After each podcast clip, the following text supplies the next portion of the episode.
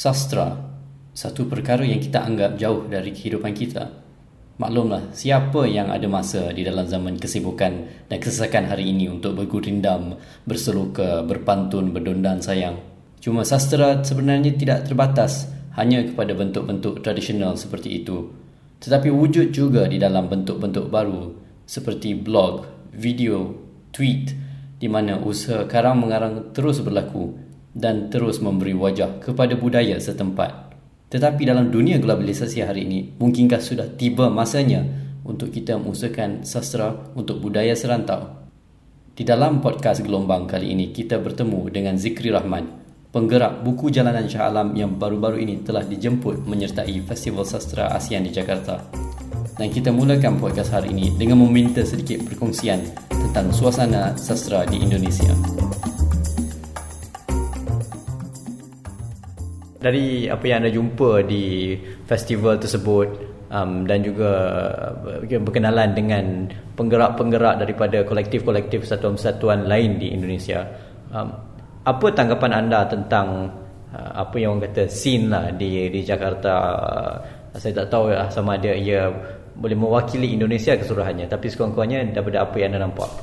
Okey, apa yang kita boleh lihat uh, contoh tadi kalau kita boleh berkongsi adalah scene di Malaysia, Indonesia ataupun Asia Tenggara yang perlu kita utamakan adalah bagaimana uh, kedua-duanya berkongsi bahasa yang sama iaitu di Indonesia ada bahasa Melayu dan di Malaysia juga bahasa Melayu. So, apa yang sepatutnya kita jalankan adalah kerjasama antara kedua-dua negara ini. Kerana banyak yang boleh kita pelajari dan antara langkah pertama yang kami jalankan dan langkah pertama yang kami ambil adalah perlunya untuk berlaku usaha sama antara kedua-dua negara dari uh, uh, dari sudut sastra itu sendiri. Dan untuk melihat perbezaan antara dua-dua negara ini saya rasa kalau kita lihat dari uh, sastra arus perdana kedua-dua negara mengalami uh, kemandulan dari uh, proses kreatifnya dan sebagainya. Tetapi untuk mereka yang menggerakkan di bawah uh, komuniti-komuniti seni yang kecil-kecil ini yang sebenarnya menggerakkan scene itu sendiri. Dan dan inilah masanya untuk kita gunakan uh, media uh, sosial contohnya untuk saling uh, untuk saling berkongsi pendapat dan saling belajar antara satu sama lain ya Kepelbagaian yang wujud di Asia Tenggara di mana ribuan bahasa digunakan menjadikan idea sastra serantau ASEAN tampak seperti bermimpi di siang hari. Namun ada pengamat sastra berpendapat keseragaman budaya di rantau ini sudah lama ada dan terus wujud di mana dahulu karya ASEAN memberi respon terhadap kolonialisme dan hari ini pula ia menggambarkan masyarakat-masyarakat di Asia Tenggara menghadapi cabaran-cabaran globalisasi. Dari segi penyebaran produk-produk media, produk-produk budaya um, di antara Malaysia dan Indonesia ini ia bukan perkara yang baru malah kita boleh lihat uh, daripada asal usul daripada uh, perkembangan keroncong dan um, dan selanjutnya daripada itu sudah berlaku sudah ada sejarah. Malah uh, daripada kita punya folk art pun daripada kita punya um, uh, seni-seni tradisi banyak persamaan banyak perkongsian. Jadi dari segi uh, suasana semasa daripada untuk penggerak-penggerak seni penggiat-giat seni moden uh, ke mana mereka harus tujukan uh, tenaga-tenaga mereka bagi saya yang utama adalah di peringkat Asia Tenggara itu adalah untuk melahirkan satu bukan satu gagasan tapi ya pelbagai gagasan untuk melihat bagaimana uh, pembudayaan proses pembudayaan di uh, Asia Tenggara ini boleh berjalan. Kalau kita lihat uh, pengalaman di Amerika Latin contohnya Amerika Selatan tu kita boleh lihat mengenai buku Don Quixote itu Don Quixote itu salah satu buku yang hampir seluruh Amerika Selatan membacanya. Dan bagi saya yang paling penting di Asia Tenggara ini adalah untuk sekurang-kurangnya ada ikon sastra yang boleh kita lihat dan boleh kita tanggapi bersama-sama dan antara dua nama besar yang pada pendapat saya yang perlu uh, warga Asia Tenggara untuk mula membacanya adalah mungkin boleh jadi Jose Rizal dan juga salah seorangnya Pramodia Anandato. Ini merupakan dua nama yang cukup besar dan cukup penting untuk menangkap citra uh, warga Asia Tenggara dan bagi saya ini merupakan uh, bacaan yang mungkin boleh kata wajib supaya warga Asia Tenggara ini melihat bagaimana mereka boleh membina satu gagasan atau pelbagai gagasan uh, Asia gagasan sastra gagasan budaya di Asia Tenggara dengan melalui dua tokoh ini ya. Kedua-dua tajuk yang anda sebut tadi boleh di, dianggap sebagai karya moden. Kenapa tidak karya-karya um, pra-moden seperti mungkin uh, kerana di Asia Tenggara uh, kita, betul kita ada kepelbagaian daripada segi budaya, agama, bahasa dan sebagainya. Tetapi kita boleh nampak macam ada kita semua kongsi uh, dari pergi dari segi artifak budaya kita ada um, kita ada satu macam ke kesenangan dengan karya-karya seperti Mahabharata seperti Ramayana um, mungkin kerana daripada segi sejarah uh, kin, uh, budaya agama Hindu telah lebih dahulu bertapak di Asia Tenggara uh, tidakkah ada tempat untuk karya-karya klasik seperti itu menujah budaya moden bagi saya ini bukan persoalan untuk uh, budaya moden ataupun budaya uh, klasik untuk saling bertembung antara satu sama lain. Ini persoalan di mana idea dan tema itu yang mana lebih hampir kepada masyarakat semasa. Dan bagi saya tentang Mahabharata itu dan Ramayana itu satu konsep menarik sebab di mana Asia Tenggara ini masing-masing uh, satu-satu negara di Asia Tenggara ini masing-masing mempunyai interpretasi yang berlainan tentang uh, uh, tentang hikayat Mahabharata dan Ramayana itu sendiri. Tapi kenapa kita uh, mengambil uh, sikap untuk uh, memahami uh, Hosei Rizal dan Pramodia contohnya? Bagi saya ini adalah kerana mereka ini berada dalam situasi yang lebih dekat dengan kita, iaitu situasi di mana mereka mahu membina satu gagasan politik, satu uh, satu proses uh, ilmu pengetahuan yang baru, moden dan sebagainya. Namun kepelbagaian ini juga merumitkan perkongsian sastra di mana pasti ada yang mencadangkan agar situasi ini dipermudahkan dengan hanya menggunakan satu bahasa sebagai lingua franca. Pandangan lain pula percaya kesan penjajahan hanya boleh dimusnahkan dengan bertutur dan menulis di dalam bahasa-bahasa sendiri. Tulisan Muhammad Haji Saleh tentang karyawan Kenya Ngugi Wan Thiong'o menggambarkan tarikan pandangan ini di mana dia menulis Ngugi menyatakan bahawa dia ingin memberikan suara dunia ruang lebar kepada bahasa ibundanya seperti yang ditemukan dalam bahasa penjajah Inggerisnya. Jadi secara ideal apakah yang anda dapat bayangkan sebagai satu bentuk um, kesastrawanan ASEAN yang yang boleh diterima dan dibaca di segenap negara-negara sama ada di Burma, di Laos, di Filipina uh, apakah bentuk apakah warna yang yang mungkin ini satu soalan yang sangat-sangat idealistik ya yang, yang sangat teoretikal tapi kadang-kadang kita kena ada kita kena bermimpi sebelum ha. kita boleh berjalan. Ya, ya.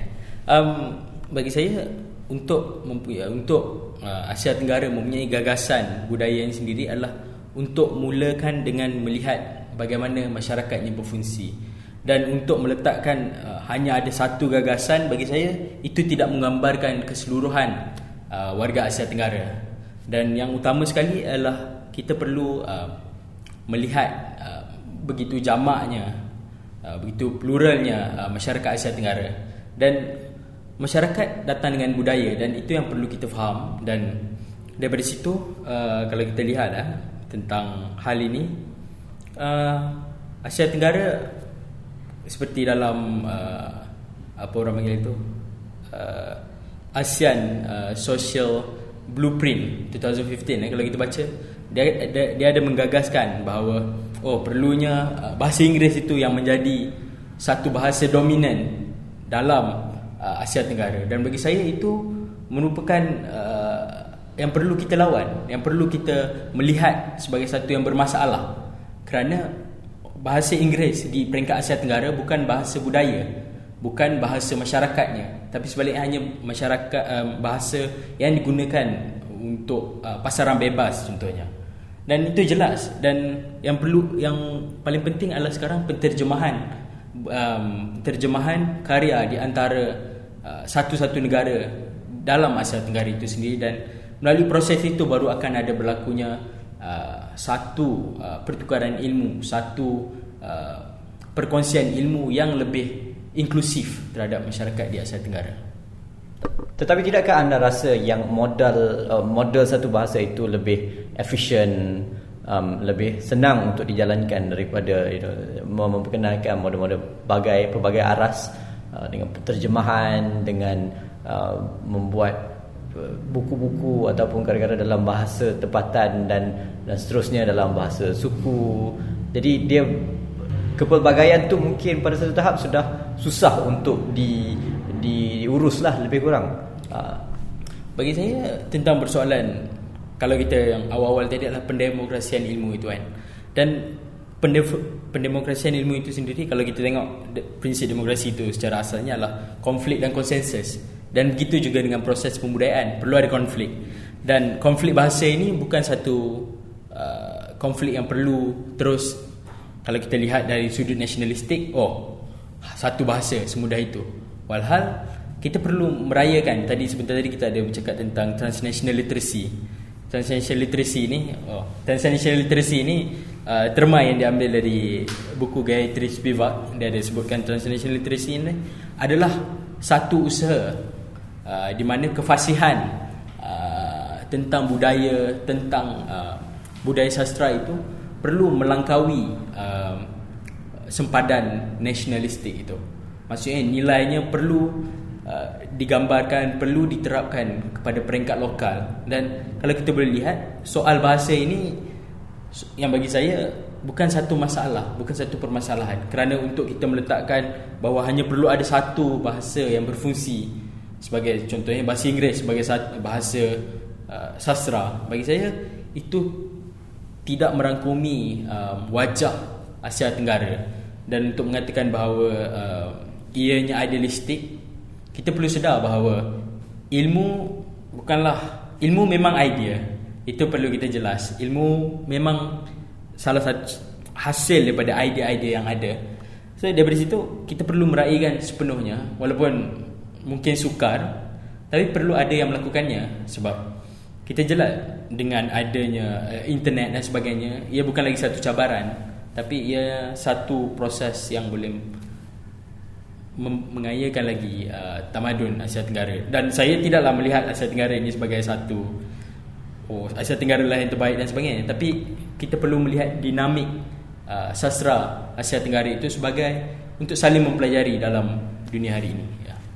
Anda sebagai buku jalanan dan juga beberapa persatuan-persatuan lain pada masa ini sedang mengusahakan uh, penganjuran satu festival uh, yang dikenali sebagai yang akan dipanggil festival idea raya uh, betul kan um, ini saya pandang festival idea raya ni bunyinya sangat menarik. Uh, adakah ia ada apa-apa kena mengena dengan hari raya ataupun pudu raya? Okey kalau kita cek di Instagram idea raya ini memang nampak gambar orang pakai baju raya dan perkataan idea raya itu diasingkan. Maksudnya kita nak pakai tudung apa waktu hari raya nanti? Kita nak pakai baju jenis apa waktu raya nanti? Itu memang terjadi dalam Instagram dan tapi apa yang kita mahu katakan tentang idea raya ini adalah perkataan raya itu adalah gagasan. Kalau kita biasa dengan perkataan contohnya Indonesia raya Melayu raya dan sebagainya raya yang dikatakan itu terma raya itu adalah gagasan. Dan daripada idea raya itu digabungkan menjadi gagasan idea. Dan idea raya ini untuk tahun ini kami memfokuskan tentang tema marginal maksudnya isu-isu terpinggir yang tidak berdapat tempat di arus perdana. Festival Idea Raya ini adalah festival idea yang akan menggunakan beberapa medium. Uh, seperti tayangan filem, bengkel, pameran dan yang jadi teras utamanya adalah um, uh, forum yang akan membariskan beberapa panelis dan aktivis dari sekitar Asia Tenggara. Uh, festival ini digerakkan oleh um, tujuh kolektif dengan kerja dengan kerjasama Esko Budaya dan Pendidikan dan festival ini dijadualkan untuk berlangsung pada 12 dan 13 September 2015 ya. Itu sahaja untuk podcast Gelombang minggu ini. Anda boleh baca lebih lanjut tentang sastra di Asia Tenggara melalui link-link di laman Gelombang di gelombang.wordpress.com iaitu g l o m b n g.wordpress.com dan jangan lupa untuk ikut kami di Twitter di twitter.com gelombang dan tinggalkan komen anda tentang podcast kali ini. Sehingga lain kali, Assalamualaikum.